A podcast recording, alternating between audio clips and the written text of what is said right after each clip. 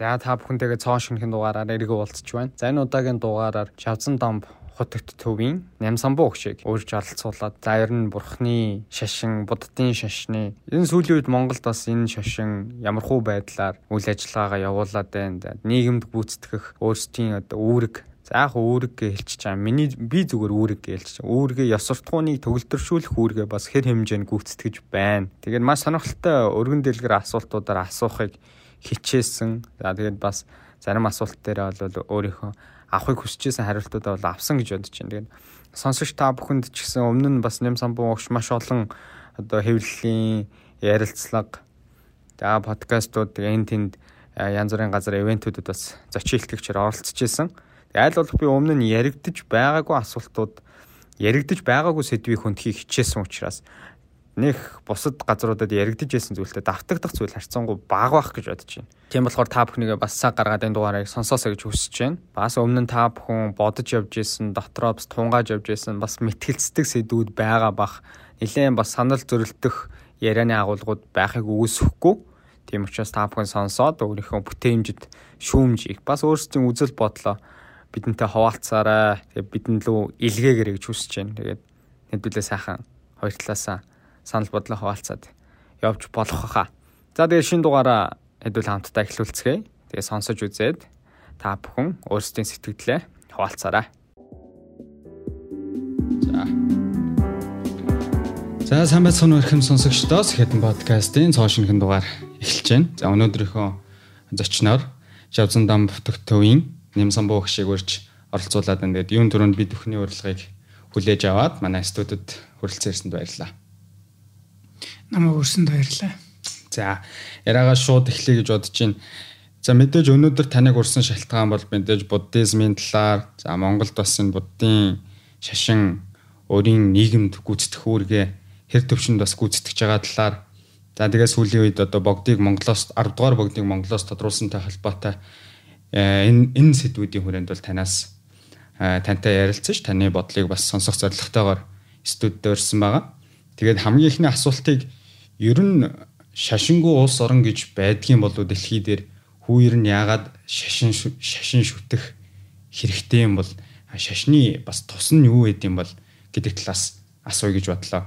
Таны хувьд бас нэтгэгд өмнөдөө нэтгэгт бас 10 гаруй жил намын дуу сонссон. За дээрэс нь шашин судлалаар англи улсад бас магистрийн зэрэг хамгаалсан хүн учраас энэ талаар бол нэлээд залуучуудад ялангуяа шинэ үеийн залуучуудад шашны ойлголтын талаар мэдээлэх болов уу гэж бодож байна. Шашингүй улс гэж тэг би дуулаагүй баг байхгүй болов. Тэг ерөөдөө хүн амын нийт түнтэй нарьцуулах юм бол шашинтай хүмүүс нь олон хэл та. Дэлхийн 8 тэрбум хүнтэй юм уу? Тэрний 5 6 тэрбум нь ямар нэгэн шашин шүтлэгтэй байх. Аа гэтээ шишингүй үзэлтэй хүмүүсийн тоо бол ялангуяа баруун Европт бол их өсөж байгаа л да. За шашин яагаад шүтэх ёстой юм бэ гэсэн зүйл байдаг гэж би бодохгүй байна. Яагаад шүтэх ёстой юм бэ гэсэн байхгүй. Яагаад шүтэхгүй байх ёстой юм бэ гэсэн чинь байхгүй. Хүн амын дийлэх нь шашин шүтдэг. Яг магадгүй миний таавралтай бас амьдрал барьцгүй. Маргааш шүү тохиолдгийг мэдэхгүй. Тэрнээс болж бид нэр айдаг зүрхшээдэг төгшдөг тэгээ бид бас нэг маргааш алцахгүй гэсэн тийм найдвар төрүүл илүүх амар болчдөг болов. Тэгээ ямар ч шин нэг тиймэрхүү итгэлийг бас тодорхой хэмжээнд хангадаг байх та. Чи сайн залбирч мөргөөдлөө бусдыг би хийчнэ гэд тгийс чишнүүд хэлдэг шүү дээ. Чи надад л итгэж тэгээ бүх асуудал шийдэх гэж. Амар л юм л да. Тэр итгэл нөх байхын хэрээр л илүү санаа зовхон сэтгэлийн төвшөнд аа буурах маягтай байдаг. Тэгээ тэгэхээр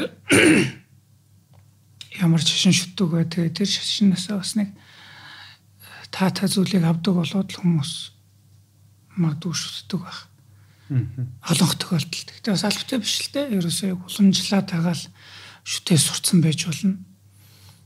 Тихгүй байх юмрыг төсөөлж мэдэхгүй байж болно л да. Аа зүгээр хөндлөн талаас хажуу талаас нь тийм ээ. Шашин ямар хэрэгтэй байж болох вэ гэх юм бол би шүтгүү байсан ч гэсэн өөр нэг хүн ямар нэгэн шашныг шүтгэх нь нийгэмдэж байд юм уу? Ямар тус тэмтэй байж болох вэ гэх юм бол олон байж болох байх надад санаанд орж байгаа нь нэгдүгээрт мэдээж хэрэг ёс суртахуун аа тэр шашин сайн сайныг номлох сайн сайхныг ятхан ухуулах муу юм хийхгүй байхыг итгүүлэх. Тэгээ тэгээд тэр шашинчдаг болохоор би юм уу юм хийж болохгүй шүү. Юм зөв сайн юм хийх ёстой гэж боддог. Тэгээ ямар нэгэн шинд ороод аль шинд ороод тэгэл хаалга хөрвүүлж байгаа юм шиг шал өөр болчихно гэж байхгүй л дээ. А гэхдээ ямар тач гэсэн тэр сувг нь тэр шашин гэж ирж байгаа сувг нь сайн сайхныг сануулж байгаа. Сайн сайн байх ёстой гэж дуудаж байх. Тэгээ нь ийм ингэдэг болвол энэ шашин нийгэмд хэрэгтэй юм. Олон тохиолдолд олон иргэншлийн суурьнд шашнууд байх нэлбэг байдаг заавал байх албатай биш л дээ. Гэхдээ олон тохиолдолд аа ер нь хүн яагаад зөв байх ёстой би биний хайрлах ёстой гэдэг итгэл үнэмшлийг ер нь зөнхтөө нийгэмд шашнууд нь дааж авч явдаг гэх юм уу. Ийм сэтгэлээр хангадаг цагвар бол их түгээмэлтэй өнөөдөр дэлхийд. Та сая яран дундаа бурхны шашин яг нийгэмд яс суртахууныг илүү төгсдөгөлдөр болгох тал дээр нь одоо дааж явдаг нийгэмд тодорхой хэмжээнд чинь бас нэг үүрэг гүйцэтгэдэг болчиход болчих хувраад байна. А энэ асуултаас би цааш нь хөтлөөд ер нь Монголд за буддизм бурхны шашин хэр үүргээ ерөнхийдөө нийгмийнхээ энэ хүү ёс суртахууныг илүү төгөлдршүүлэх үүргээ хэр төвшөнд гүйцэтгэж байна гэж та боддог бай. Зүгээр ингээд Монголынхон төвшин том зургаар харвал. Тийм түрүүн би юу бурхны шимш ерөн шашны гэсэн тийм ээ. Олон улсад шашин гэдэг бол зөөлөн хүч гэдэг юм хүмүүст учирлан одоо ятгах итгүүл зөв сайн байх учиртай. Бусад юм орчих тийм ээ. Бусад одоо юунд итгэх гэж хэлээд та тэрнээс одоо биднэрт нийгэмд хэрэгтэй тал нь бол сайн сайных намлах. Энэ загвар бол их түгээмэл. Та Монголд мэдээж хэрэг бид нэр мянган жилийн одоо хүмүүс бас нэг андуураад байдаг Монголд сүүлийн 300 жил бурхны шин орж ирсэн юм шиг. А тийм биш л дээ. Тухайлбал одоо бид нар хар хоринд очиод музейг нүцэж болно. Тэр нь бол их Монголын үетэй холбоотой зүйлтэй 1200 оны гол хэсэгтэй холбоотой. 1200-д мөн дэлхийд Монгол хамгийн хүчрэг байсан үе. Энэ үетэй хамаарах бурхны шний одоо маш том дугна сум.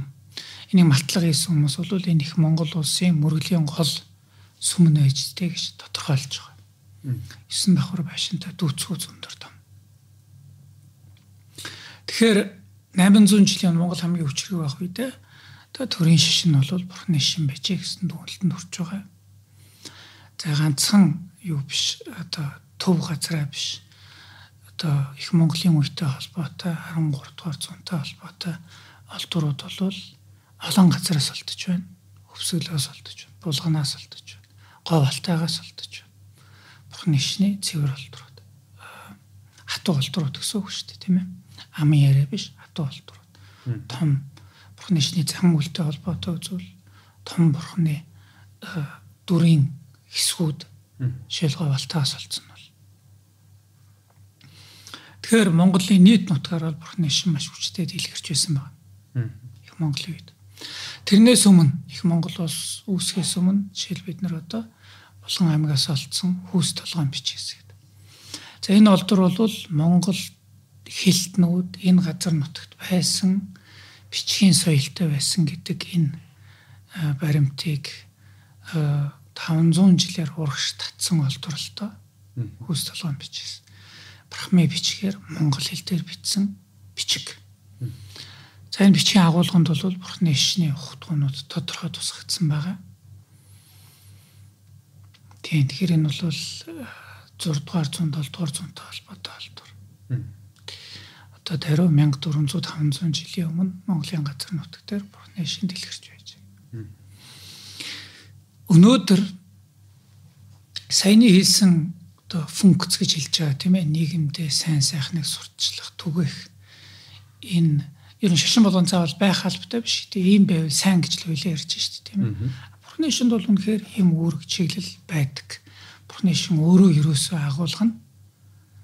Бурхны шин юу гэдэг асуултанд хариулахдаа буддизм хариулахдаа бурхны шин болвол муу үлийг төвчхийн нэр юм аа төвчгийг хичээхийн нэр зөв сайн үлийг хичээхийн нэр юм а хийхийг оролдох.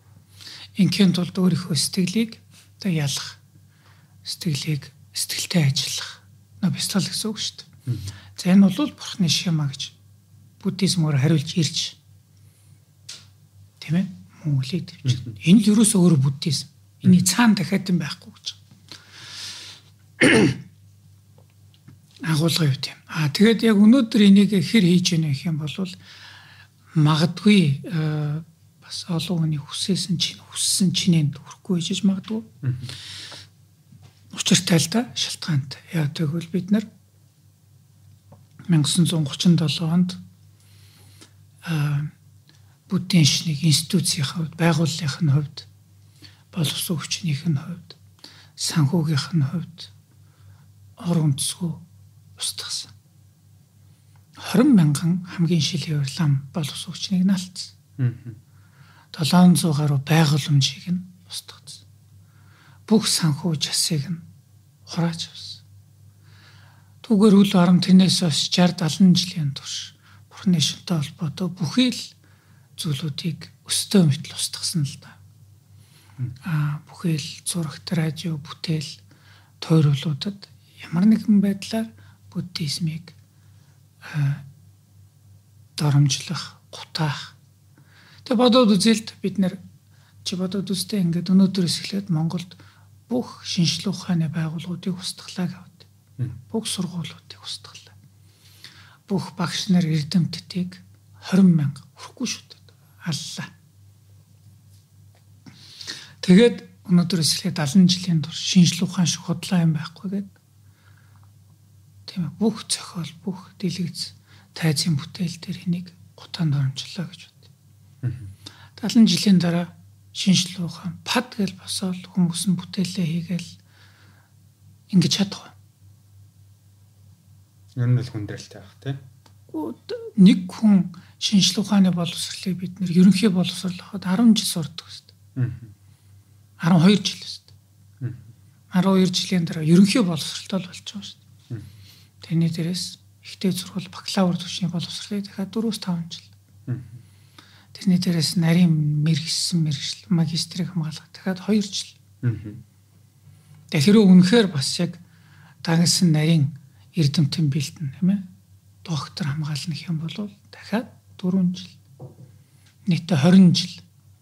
Гэхдээ ийм өндөр боловсралтай хүнийг бэлтгэхийн тулд 70 жилийн дараа тэр боловсролыг заах институт нь байх хэрэгтэй. Тэр нь байхгүй. Тэр нь ерөнхий боловсрол заах багш хэрэгтэй. Бакалавр, мастер, докторийн судалгааг нь хамтыг хийлцэх, заах байгууллал хэрэгтэй. Тэр нь байхгүй. Эрдэмтэн хэрэгтэй байх. Бараг за оргуу осон гэж хэлэхгүй л дээ 1990 онд Монголын бурхны оргуу осон байгаагүй. Гэхдээ бүрэн бүтэн байгаагүй. Тэгэхээр энийг сэргээхэд босоход урт хугацаа хэрэгтэй. Одоо ердөө 30 жил 30 10 жил болж байгаа гэсэн үг шүү дээ. Би хүмүүс арчлал гараад эргээд нөгөө шашнаас шүтэх эрхэн бий болоод эрхэн дөнгөж бий болж байгаа юм дээ. Түүнээс нөгөө хамаг мөчийн тайраад хийсэн хүн босоол гүгээд хараач чадахгүй шүү дээ. Нөхөн төлж ирээд эдрийгээ бэлтгэх хэрэгтэй. Хоёрдугаар бас 90-ад оны үед хэдийгээр шүтэх бишрэх эрх нь хангагдсан боловч тэр настаа ламнар магадгүй хандан тэгшлээд байгууллагынхаа хувьд бид нар одоо бүх юма хийж болно. Бид нар одоо ингээд дэлгэрүүлэх ёстой, тайлбарлах ёстой гэсэн тийм итгэлч байгаагүй. Айдас байсан. 70 жилийн турш айс. Дандаа дарамтанд байсан.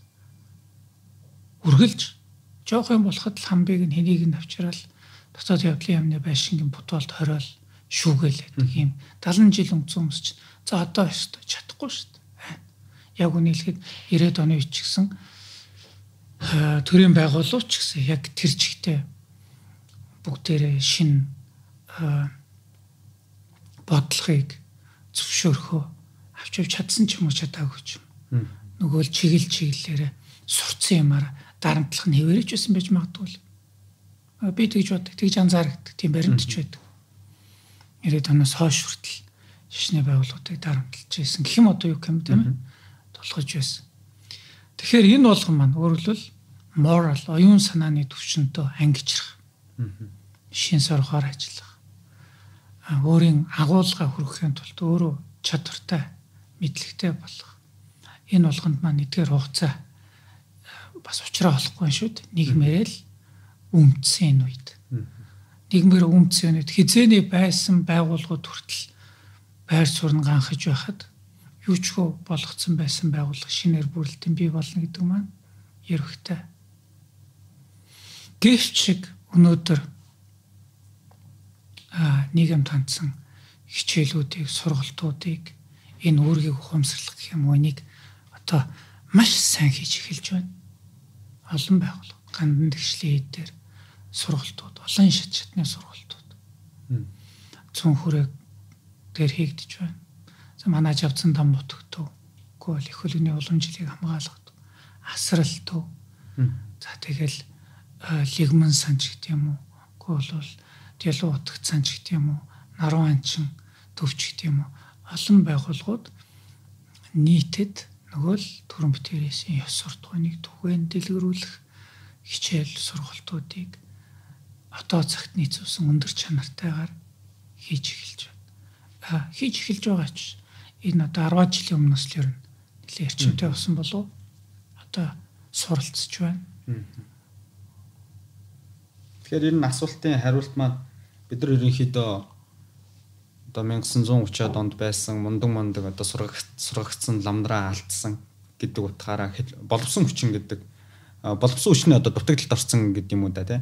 Тэгэхээр нөгөө нийгэмдэр бид нар ч одоо багш нар дутагдаад байна тий. Тойлоо чи энэ юу нэг цаанаас би би нэг нүдээр нарж явах юм.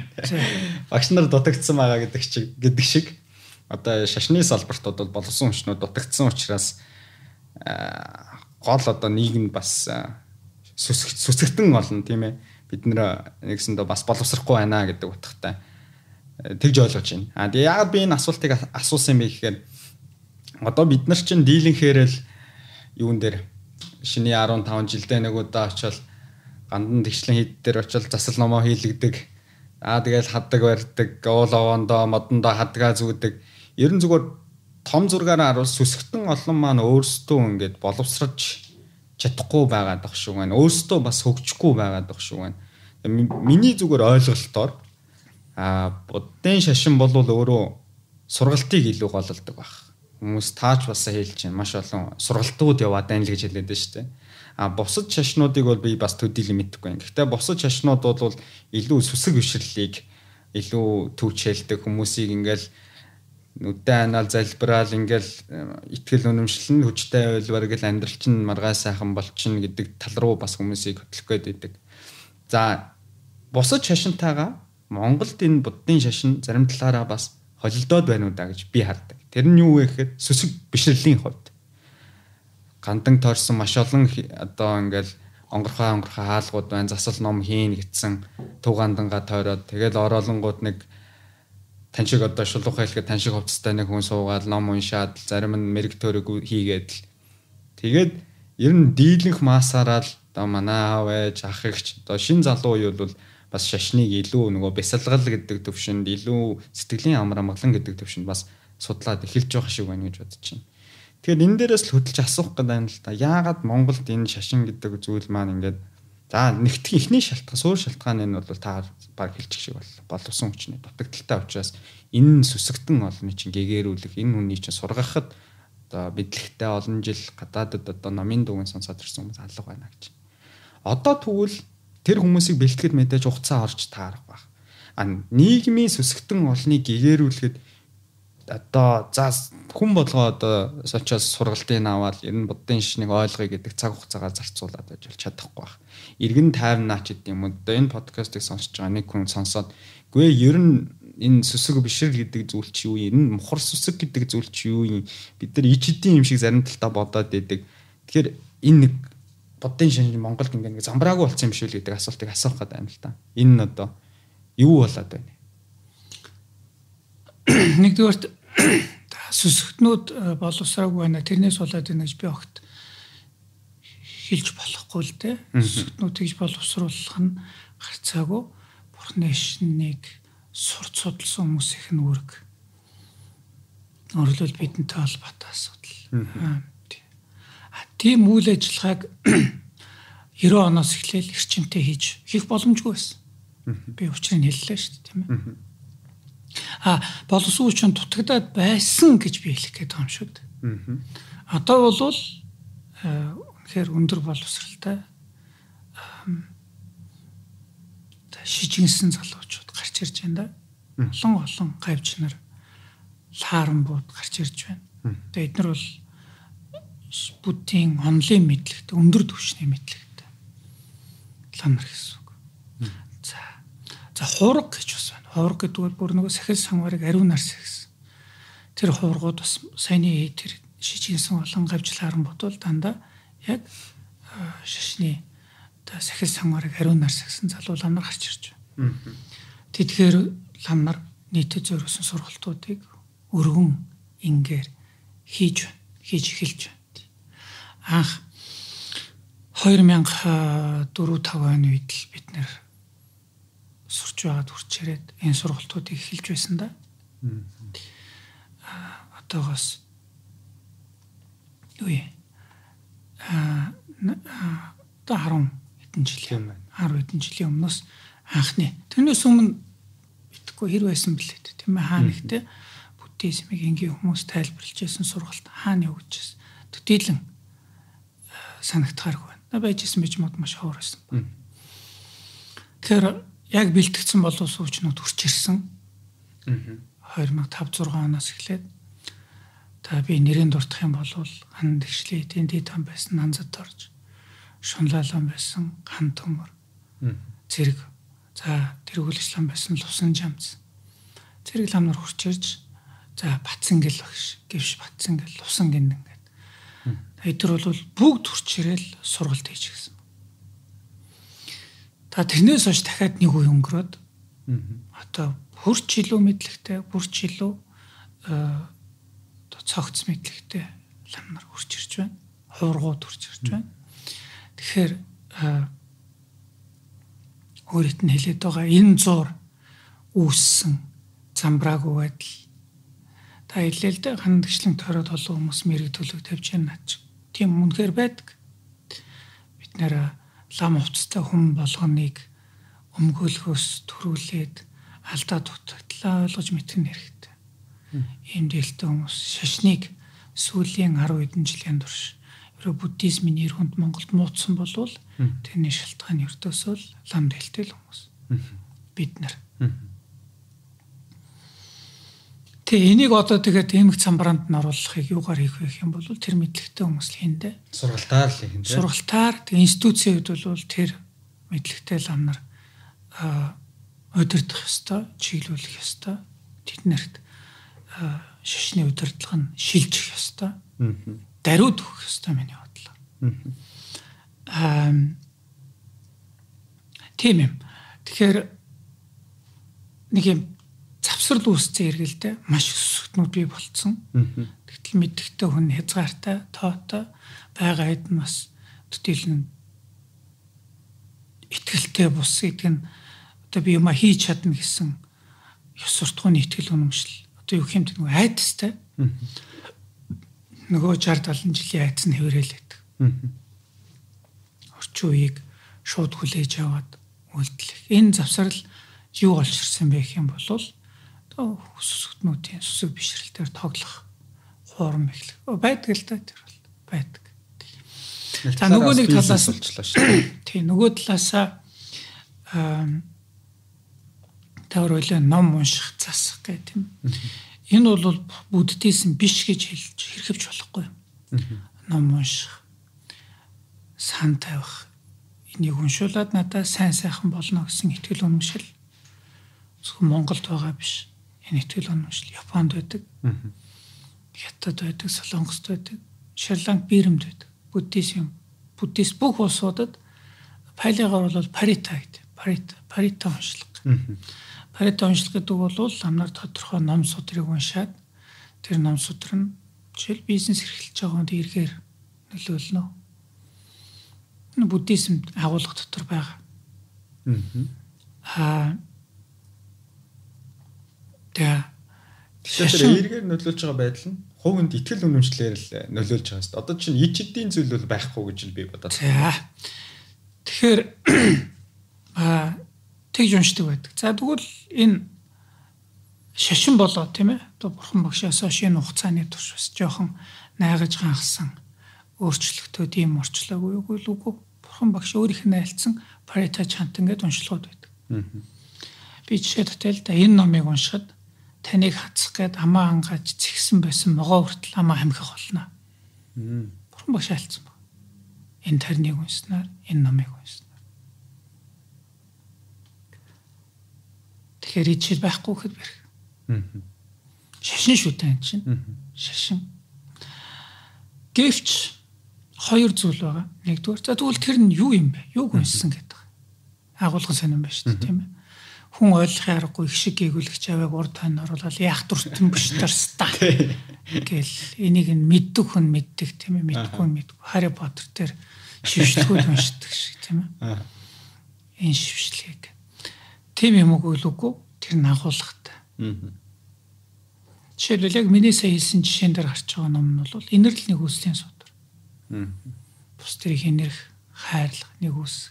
Байгалыг хамгаалах, хайрлах, бусдыг хүндлэх судар. Тэрийг унших хэрэгтэй гэж. Унших, уншаад бодно. Ботоод хэрэгжүүлнэ, итгэнэ. Инэрлийн хүслийг төрүүлнэ Бурхны шинд нэг үүлийн үргээд нэг юм хүмүүс итгэдэг. Хүмүүс зөв сайн сэтгэлтэй байх юм бол бусдаас ирэх хариу нас зөөлрнө гэж. Тэр даруйтай биш л те бид нар ч бас өчнөө өмнөх үүлийн хөрөнгөтэй явж байгаа шүү дээ. Одооноос сайн сайхан байлаа гэж бодоход өмнөх үүлийнх нь өрөөд нас ирээд л байх бол. Өмнө хийц муу юмнууд байгаа шүү дээ. Гэтэ одоо хийж байгаа юмны үр ирээдүйд гарах л бол. Юу ч гэсэн одоо зөв сайн үйл Шамдан орно гэсэн сургаал ахна шүү дээ. Энерлийн хүслийн сургаал. Бусдыг хүндэл хайрл. Тэгэхэд уншихад хүртэл энд эерэг нөлөө гарна. Бурхны шинд үйлдэлэд маань гурван үдээр хийгдэг. Хил хамаар хийгдэг. Биеэр хийгдэг. Сэтгэлээр хийгдэг. Хил амандаа хүртэл хараалыг байнг хэлэхэд таатай бишээд таагүй үр дагавар гарна гэж Бурхны шинднүүд хийдэг. Сайн энерлийн хүслийн сургаалыг амтуудын хэлэхэд хүртэл эерэг үр дагавар гарна гэдэг үн дээр нэмэгдээд бас номын айдастэд гэж байна. Номын айдастэд гэж. Номын хүч юм л да. Яг тань хэлж хийчих. Гэхдээ та итгэж хэрхэн аврагдахын та мэдэх аргагүй ямар нэгэн нийчтээр та аврагднахээс илүүтэйгээр буддизмын сургаалын ач холбогдлогч байгаа цөм нь Та итгэл бүх асуудал шийднэхээс илүүтэйгээр та өөрөө өөрчлөгдөх ёстой. Та өөрөө зөв болох ёстой. Та муу үйлдэлээ зогсоо. Та зөв сайн хийж тэгжээ сайн аврагдана гэдэг ач холбогдлыг илүү түлхүү өгч байгаа нь энэ дээр байгаа. Илүү түлхүү өгч. Тэгэхээр бурхны шинд онол хүн өөрөө зөв сайн байх. Бүтээжэр хажуу талд нь цан үл даган байсан. Хамт төдий уншиж юм. Хамт төдий уншихыг ямар ч хэрэггүй хэрэгтэй л гэж тус эрдэм гарна. Гэтэ мэдээж ер нөгөө цөмшиг нь гарахгүй л дээ. Цөм нь гол. Гэтэ энд бас энэ хэрэгтэй байна л гэж. Энэ хэрэгтэй. Жишээлбэл их оронч үзэлгээл л их оронч үзэл. Их орноо хайрлах сэтгэл. Тэгээ энд бас нэг юу байдгаа та тийм ээ. Гадаад хувцас, хальс, хэлбэр гэж банаад агуулга нь бид нар ойлгож байна их оронч үзэл. Тэг хэлбэр ус байдаг тийм ээ. Жишээ бид нар туг далбай байдаг. Төрийн сүлд байдаг. Монгол улсын далбай байдаг. төрийн дуулал байдаг. Агуулга бол бид нар ойлгож байна их орно. Гэтэ төрийн дуулал ямар амаатай. Холбож өгч байгаа юм шүү дээ. Тийм ээ. Тэр агуулгыг бихэд олон арга зүй зан үйл бас нэмэгдэж байгаа үз. Ямар ч шашин биш шүү дээ. Гэхдээ л ямар ч улсад байгаа эх орон төслийг биелэхэд зан үйл байдаг байгаа үз. Америк төрийн дуллаа туулд гараад зүрхэн дээр авдагч байд юм. Талбай нь байдаг.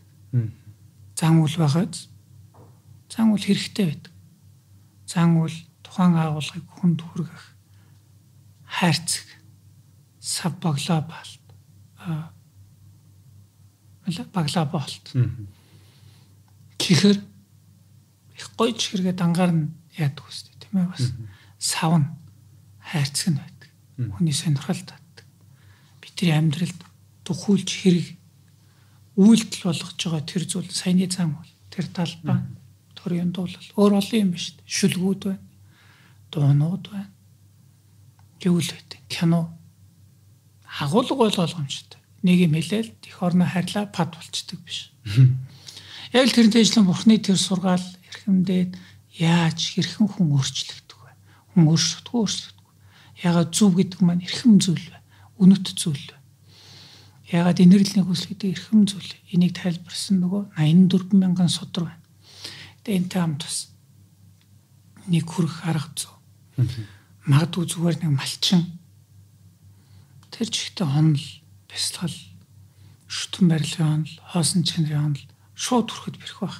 Гэхдээ малчин гэдэг би дорд үзэж байгаа ш. Ямар ч мэрэгжлийн хамаагүй л дээ. Тэгээ ямар ч мэрэгжил хамаагүй. Гэтэ зүгээр төрүүлээд бас ямар ч хүнд энийг бүтээч, нэг бизнесмен хүн ч энийг бүтээч гэсэн гэсэн бодлоо хийж болох наач хамаагүй чи энийг л ахаас илүү тэрийг ч тооцож үзэх хэрэгтэй юм л да. Багш хүн чи суруусаар байвал энэ нэмэхээс илүүтэйгээр тухайн сурагчийн сонирхлыг татгууцаар хичээлээ заавал сайн мэт. Аа. Нөгөө талаас бас тухайн хэрэг зориг бүтээхэд буян л хэрэгтэй байдаг. Зөв сайн үйл хэрэгтэй байдаг. Аа буян хийгээд үүс чинь бүтээ шүү гэж бурхны шин хэлнэ Эмэл. Буян нүглийн талаар би одоо яг тодруулж асуумаар санагдаж байна л да. За одоо жишээ нь нүгэл гэхээр за бид нар ойлгохдоо бол хэн нэгэн хүнийг охироож байгаа. Хэн нэгэн хүнийг одоо бэртэж хэмтэж байгаа гэх юм. Нүгэл. Аа. За тэгвэл нэг нөхөр хитэдэн хүнийг аа нийгмиг ч юм магадгүй ёс суртахууны доголдол доголдлын асуудлаасаа болоод шууд байдлаар шууд болон шууд бус байдлаар хохирооччээ гэж боддог. Одоо тэгсэн тэр хүн маань нөгөө бусдыг хохироосон мөнгөөрөө ч идэм үү, эрх мэдлэрээ ч идэм үү. За буян үлдэж яан нэртэй суурга барьдаг. Хувраг дээр очиж шав барьдаг. Нөгөө хүндээ хадаг яндар мөнгө төгрөгөө барьдаг. За ингээл ерөнхийдөө нөгөө хожим хийсэн муу үлээ ингээ арилгачж байна гэдэг тийм сэтгэлгээ бас нийгэмд мөнгөтэй эрх мэдэлтэй хүмүүст бас байгаад байх шиг ажиглагддیں۔ зүгээр. Миний зүгээр хальт анзаарсан ажигласан байдлаас. Энэ маань өөрөө нөгөө зүгээр бурхны шашны номлодог сургааллыг бодвол нөгөө ёс суртахуун хувьд бол асуудалтай юу бол асуудалтай. Харин хүнхээр хүн тэгэхээр нүгэл юм уу бусдыг хохироочод тэр хохироосон зүйлээрээ ингээд сүм хуурга бариад нөгөө зан үйлээ үйлдэлээд үйлдээд яваад тах нь эргээд тэр нүглийн ариусгах нь гэдэг тохиолдол байх боломжтой. Бурхны шинд өргөл хөндлөл одоо юу юм бэ? Шашин гэдэг маань институт байгуулал бас нэг иймэрхүү хандлага сонсч байлаа. Шашин судлалын үүднээс бол гинэн л ойлголт л тоо. Өнөөдрийн Монголын бурхны шинийг католиктай нэг зүйрлэх тийм ээ. Ялангуяа за протестан шишин үүсгээс өмнөх католиктой зүйрлэх. Сүм хийдэн хүний нүглийг мөнгөөр арилгадаг тийм ээ. За тэгээд үгүй хүмүүс өөрсдөө л яачих болно.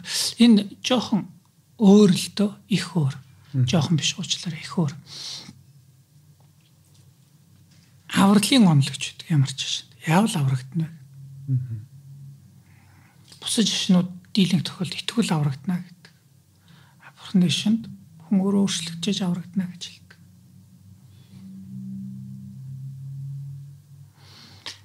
Аа тийм болохоор Бурхны шашинд авралын онол дотор нь Бурхан Буддагийн функц буюу үйлдэл хийх ажил. Тэс шашнууд дах ертөнцийн эзний хийх ажил бол хоёр өөр. Тэс шашнууд итгэл юм бол яг аврагч нь бол ертөнцийн эз шууд л аварч. Бурхны шин Бурхан Будда амьтны зовлон гараараа арилгадаггүй. Хилэнцийн гараараа арилгадаггүй. Хөрхөө эрдмийг юулдаггүй. Аргын л зааж цаана аврагдах нь бол өөрөө шүтэн барилга том хуулийн дагуу явагдаж байна. Үлийн үргэдэг хуулийн дагуу. Үлийн үрг бурхан будаад сөрөхгүй. Хүмүүй мэдсэн бол хариуцлага аргалахгүй гэсэн үг шүү дээ, тий? Бурхан будаа ч гэсэн аргалахгүй өрлөл хариуцлага хүлээн.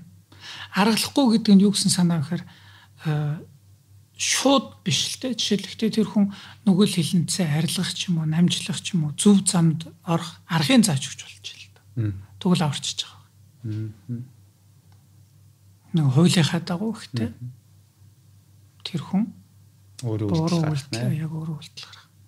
Гэхдээ энэ сургаал номлол гэдэг маань зүүрлэх юм бол нэг юм яриас сүм хийдэл болчих юм бол тэгэл бодлаа шүү дээ. Шашин хийгээд сүм хаад сургаал номлыг сүм хийдэг хооронд нь ялга. Энэ юутай ижлэх юм бэ гэх юм бол университи гэж нэг ойлголт байна. Их сургууль, их сургууль. Шинжлэх ухаан гэдэг нэг ойлголт. Их сургуулиуд дээр шинжлэх ухаан байдаг оршдог, уламжилдаг, бэлтгэдэг. Тийм ээ. Тэнцлэн гэдэг нь ширээн дээр байдаг зүйл биш шүү дээ. Тэрнтэй ижилхэн энэ буддийн сургаал номл гэдэг маань хаана байж хаанаас хүмүүс түүх ёстой гэх юм бол байгуулах хэрэгтэй. Сүмхэд мэрэгсэн боловсон хүчин лам ургад. Тэрнийг тээвэрлдэг, дамжуулдаг, түгээдэг. Энэнгүүгээр явах боломжгүй хэрвээ амархан чи итэг тэгэл окей гэдэг үг байсан бол хамаалга. Тэр байгаа шүү итэг тэгээ болоо. Буддизм гэдэг маань тэр өөрөө хөдөлгөөн хийх ёстой гэсэн шүү дээ. Хүн өөрөө өөрчлөгдөх ёстой гэдэг маань зүгээр л чи өөрчлөгдөж үг биш байхгүй юу? Яаж? Хэрхэн? Тэгвэл бидний дотор одоо ямар байна? Бидний дотор сөрөг эмоц, муу сэтгэл, атааж дуур, яагаад төрд, яаж төрж, хэрхэн төрж. Гүн судалгаа ингэж ажиллаж энийг цаад үндс нь хаана? Энэ тулж тэгэхээр энийг өөрчилж болох уу? Ингэж өөрчилнө. Тэгвэл яг одоо зүгээр л ингийн бодибилдингээр зүрлээ л дээ чи дасгал хийгээл бак болчихно биш тэрний цаана анатомийн судалгаа байгаа булчингуудыг бүгдээр ингийн нарийн судална булчин хэрхэн төлждөг тэр механизмыг ойлгоно Тэгэхээр бидний эдж тижэл хэрхэн нөлөөлдөг, уураг хийгээд эрдэс бодис витамин хэрхэн нөлөөлдөг бүхэл бүтэн шинжилгээ судлаа. За тэгээд ийм дасгалууд хийнэ. Дасгалуудаар тусгай төхөөрөмжүүд ямар жингээр ямар оролтоор хийх? Хүний биеийн онцлогт яаж тохируулах вэ? Яаж амрах вэ? Юу идэх вэ? Нарийн багц хийгээл болоод тэгэхээр буддизмын сургаал гэдэг чинь хүний сэтгэлийг л яг бодибилдинг шиг зөв сайныг нь хөгжүүлэх муу мухайг нь багасгах арга зүй онол лут зүйл. Тэгэхээр энийг ойлгож мэдэж тэний дотор философи байгаа тийм ээ. Эний дотор психологийн төг түмэн олон арга зүй дамжуулахад олон жилийн хөдөлмөр судалгаа өөрийнх нь дадлага олон юм хэрэгтэй байна шүү дээ. Өөр хүн сонирхчийн төвшөнд хийх үе бас бэрх. Тэгэхээр үнэхээр шинжлэх ухаан байхад их сургууль байдаг шиг. Буддийн сургаал цааш дамжиж хүмүүс түрэхэд сум татсан сургуулиуд байх хэрэгтэй. Хийд орон байх хэрэгтэй. Энэ хийд орон оршихад санхүү эдийн засгийн суур байж ижил тэр хүмүүс хоол идэх хэрэгтэй. Хувцсан нар хэрэгтэй. Байшин сав хэрэгтэй. Сургалтай хөрөө хэрэгтэй. Тэгэхээр ямар ч дэлхийн шишний байгууллагууд оршин тогтнох хэрэгтэй, оршин тогтнох зүсгнүүдийн ханд хэрэгтэй. Тэгэхээр энэ Бурхны шний талаас харъя л да. Энэ сургаал бол эрхэм дээд сайн сургаал. Энэ сургаалыг дийлгэрүүлэх түгээхэд тусламж нэмэр хандив болно гэдэг бол Бурхны шний үлийн мөрийн онлоор энэ бол зөв сайн үйлдэл мөн. Зөв сайн үйлдэл мөн болохоор үр дүнд нь одоо буян мөн болж шít амар амгалангаар. Төрсөн хийдэд хандив дэмжлэг тусламжаа үзүүлнэ гэдэг маань Бурхан багш юу ясгэлээ. Бурхан багшд олон худалдаач сүм дууган өргөх, хуургууд нь сэрүүн цэцэрлэг өргөх түүх хэлбэг байна л да. Их буюу орасан гэдэг. Хуургууд гүнцэг хоолоор хангах Яг бол тэр гэгэрлийн төлөө явж байгаа хүмүүс нэгт. Хоёрдугаар тэр бурхны сургаалыг дамжуулж байгаа. Судалж байгаа хүмүүс. Бусдад энэ нь олон хүнд тэр сайн сайхан сургаал өрөх юм бол тусвал нийгмийн харилцаанд тусвал нэг нэгийг хүндэл. Одоо зүгээр л бодъё. Хаа нэгтэй Сүхбаатар аймагч муугаа болтойд нэг нөгөө хүнд тусалж гэх юм бол энийг бид нар голцоо буян гэж найрладаг. Тэр хүн буйныг бодож исэн байж магадгүй тэр хүний буян нүгэл гэдэг ойлголт маань мөн л бурхны шинээс гаралтай. Буян гэдэг үг маань өөрөө пүниагаас хамгаалдаг. Тэр хүн ер нь сайн үл өгдөг буян энэ нь зөв гэдгийг нөхөл хичнээн мартагдсан дарагдсан ч гэсэн бурхны шинэ нарийн учгаар л нэг юм мэдээлэл авсан. Ийм сэтгэл төрсэн байх магадлал өндөр. Буян зөв шүү дээ, сайн шүү дээ, буян болно шүү дээ. Яа буян гэж энэ болтыг анавс бурхны шинэ гэдэг олон тохиолдолд.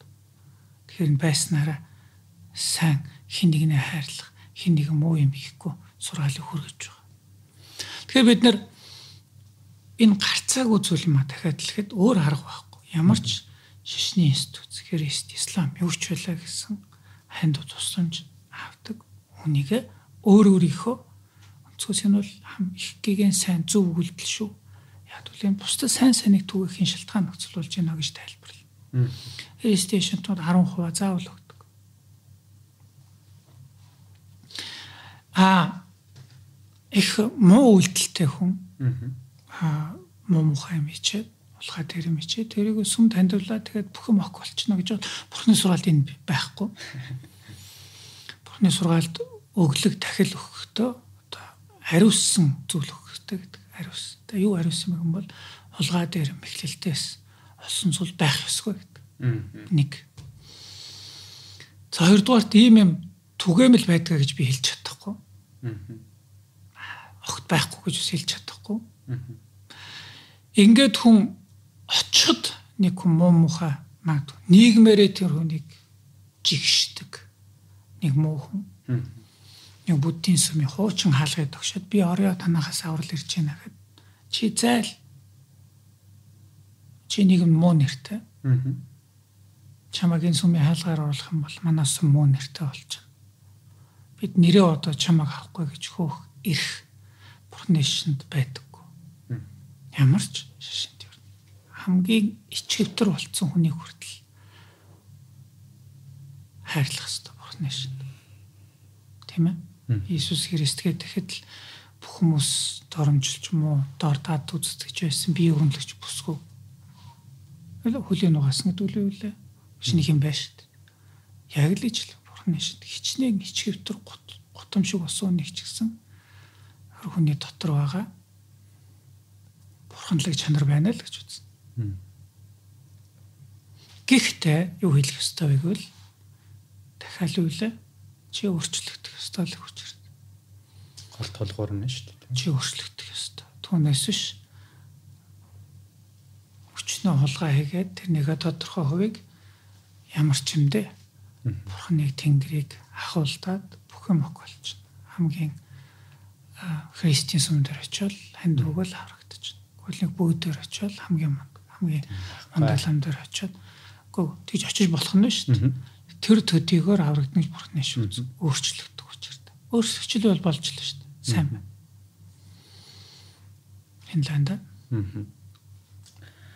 Ер нь тэгэхээр бид нар альва зүйлийг ерөнхийдөө өнгөцхөн мэдээд ирэхээр тэрийгэ жоохон мушгих, буруу тийшин залуурдах магадaltaй байдаг юм шиг зүгээр санагдчих байна. Таны яриаг одоо ингээд сонсоход.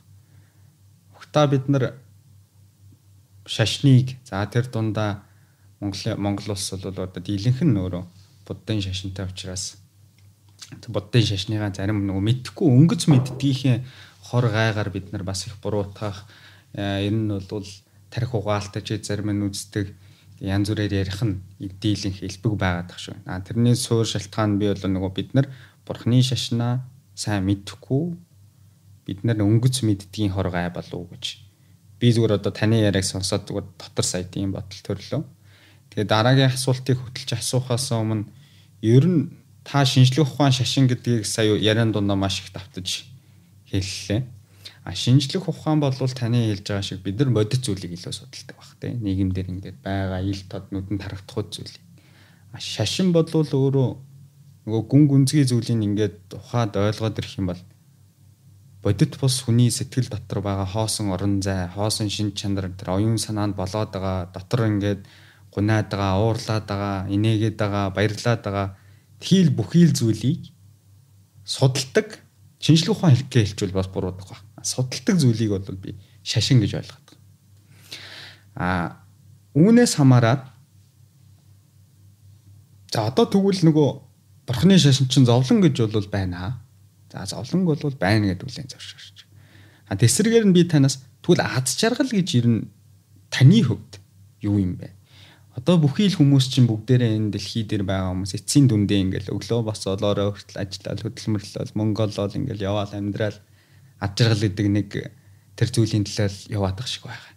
Бүгд л хөөцөлж завгүй амьдралын нийгэм дунд. Таны бодлоор ад жаргал гэж юм аа гэд хэлчүүл юу гэж ингэж тайлбарлах вэ? Та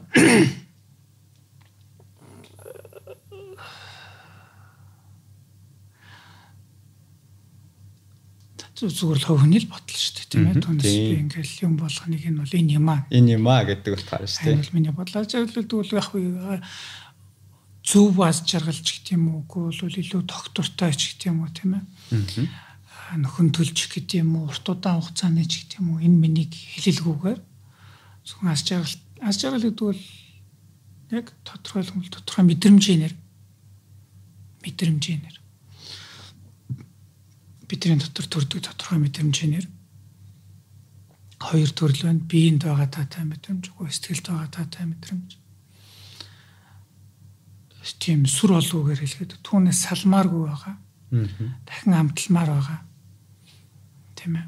Тийм мэдрэмжийг л асч харгал гэнэ л дээ. Ямар ч үеж болно. Тэр урт удаантай хортойж үжил нэгтэй өтөж яг асч харгал гэдэг бол мэдрэмжээр салмааргүй байгаа, өргөжлүүлмээр байгаа тэр мэдрэмжийг асч харгал а түрүү яриан дундаа бас шинжлэх ухаан бол бодит зүйлсийг судалдаг шашин болвол сэтгэлийг судалдаг гэх шашин болгон бас яг судалж чаддаг гэхэд бэрх байх миний бодлоор миний өнцгөөс шүү.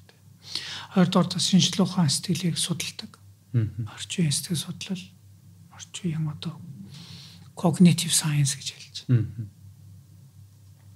Сэтгэлийг судлана. Би энэ зүгээр сонирн болгоод тэгэхэд орчин үеийн мэдрэл судлал, сэтгэл судлал та таны мэдхүү судлууд юу гэдэг юм бэ? Оюун ухаан судалж гэдэг юм. Энэ салбарууд буддизмтай хамтраад буддизмээс аваад хэрэгжүүлж байгаа. Эргээд ер нь шинжлэх ухааны зорилго маань хүн төрөлхтний сайн сайхны төлөө шүү дээ, тийм ээ.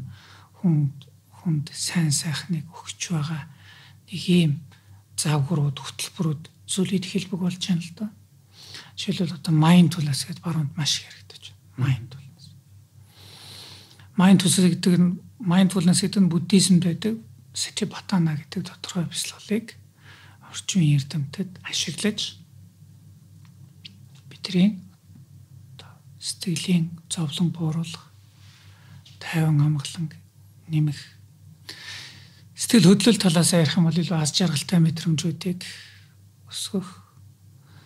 Сэтгэлийн төлөв байдлын хувьд бол илүү өөдрөг сэтгэл хангалуун төлөвийг бий болгох сэтгэлийн одоо функц үйлдэл тал дээр бол тухайн хувьсан өөрчлөж байгаа нөхцөлд өөрийгөө тааруулах, ойлгуулах, илэрхийлэх, хүлээж авах, цогцох эдгээр чадруудыг хөгжүүлэхэд буддийн уламжилт бяцлаглууд маш өндөр үр дүнтэй байна гэдгийг хэдэн 100 мянган төвөр судалгаануудаар нотлоод зөвхөнийг адуу жон шашны элементүүдийг нь хасаад орчин үеийн сэтгэл судлалын олон одоо арга зүгээр баяжуулаад хөтөлбөрүүд боловсруулад байгаа нь mindfulness хөтөлбөрүүд.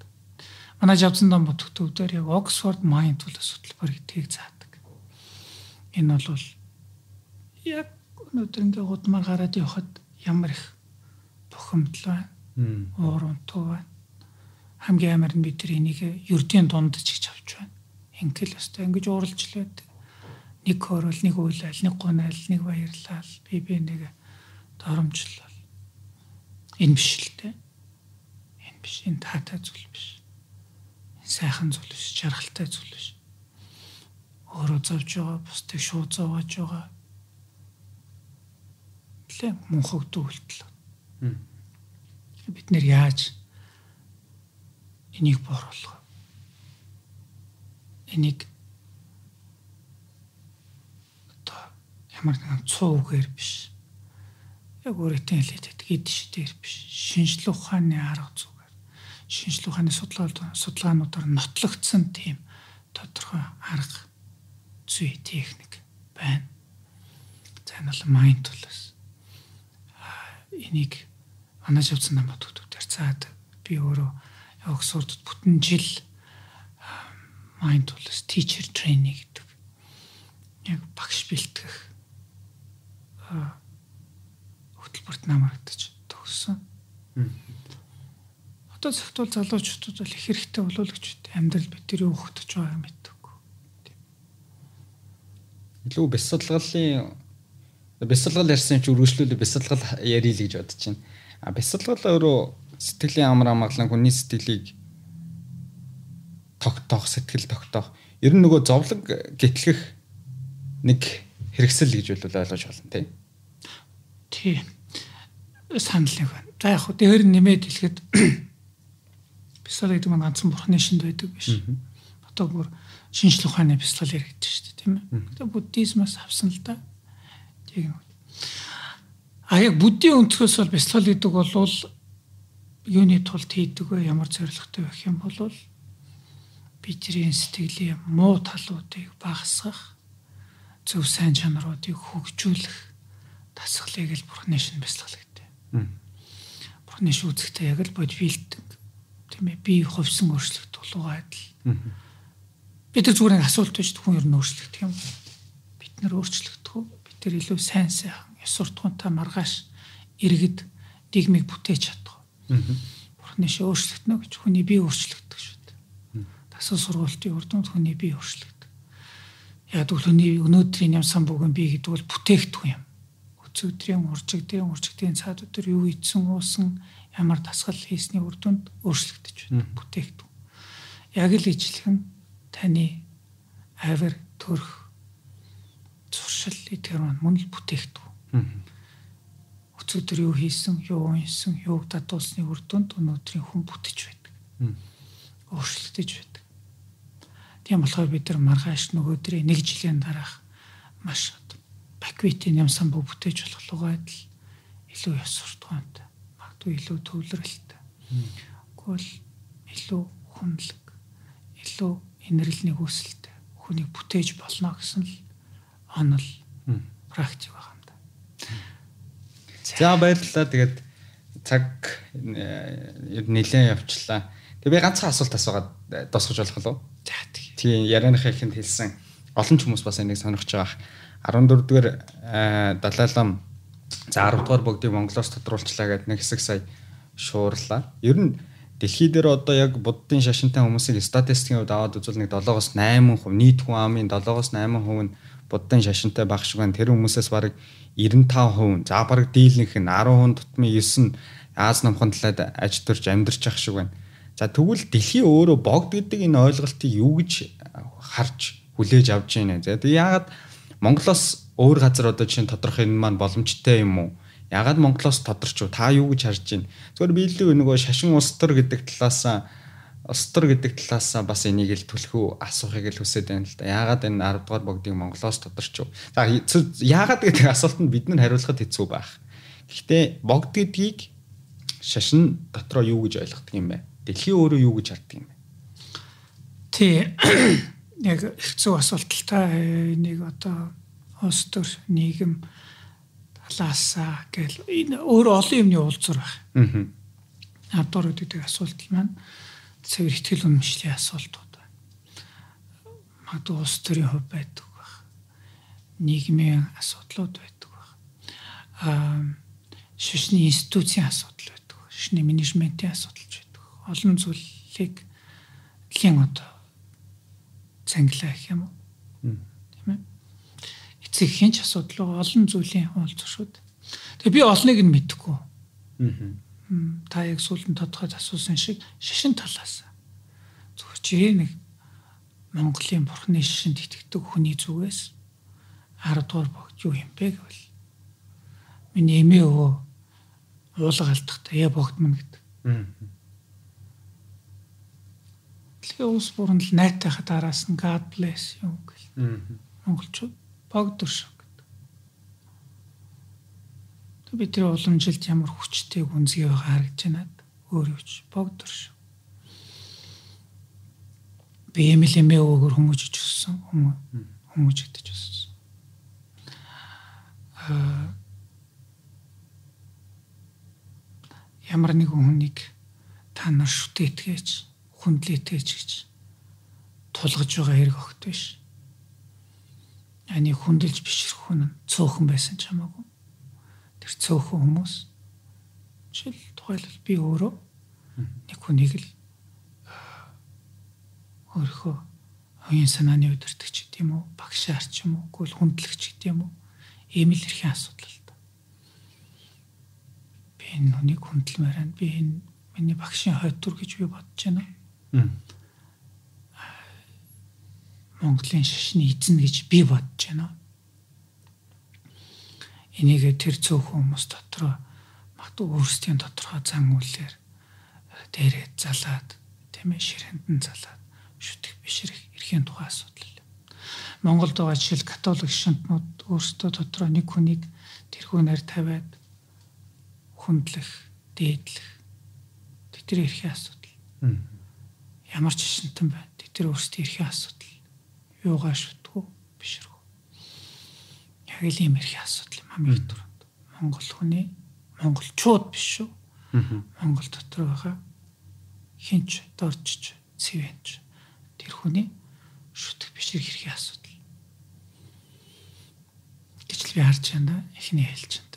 Миний сүсгтний зүгээс харж байгаа бодол. За баярлалаа. Тэг өнөөдөр студ маань хүрэлцэж ярьж асуулт болгонд маань дэлгэрэнгүй сэтгэлээсээ чин сэтгэлээсээ хариулсан танд маш их баярлалаа. Цаг гаргаж ирсэн. Баярлалаа. Сэхэтэн подкастын энэхүү дугаарыг сонссон хэрхэм сонсогч та бүхэндээ маш их баярлалаа. Дараа дараагийн дугаараар дахин уулзлаа. Түр баярлалаа.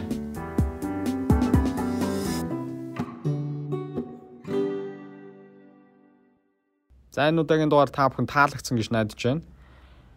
Яг л би подкаст ихэнд хэлсэн шиг нэлээд өргөн үнэтэй ярилцсан сэдв байгаа. Гэтэ сэдвээсээ нэг хэдэн тийшээ хальж яваагүй нэг ганц хоёр жанжин шугамаа бариад яг тэр чиглэлийн сэдвийн асуултуудыг бол асуугаад дуссан.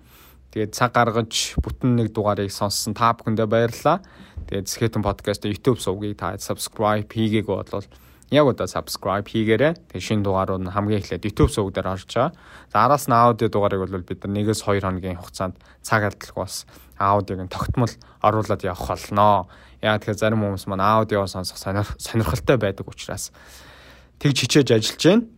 За дээрэс нь тэгээс Skeleton podcast Instagram сувгийг та бүхэн маань дагаарай. Дугаар болгоны төгсгөл би ингэж дахин дахин хэлээд байдаг нь та хэдийг нэгсэндээ шин дугаар, шин контентуудыг цаг алдалгүй тэр дорноос хүлээж аваасаа гэдэг утгаар дахин дахин лавлаж хэлээд байдаг юм шүү. За баярлалаа. Дараа дараагийн дугаараар дахин уулзлаа. Түр баяртай залуусаа. Өдрийг сайхан өнгөрүүлцгээе.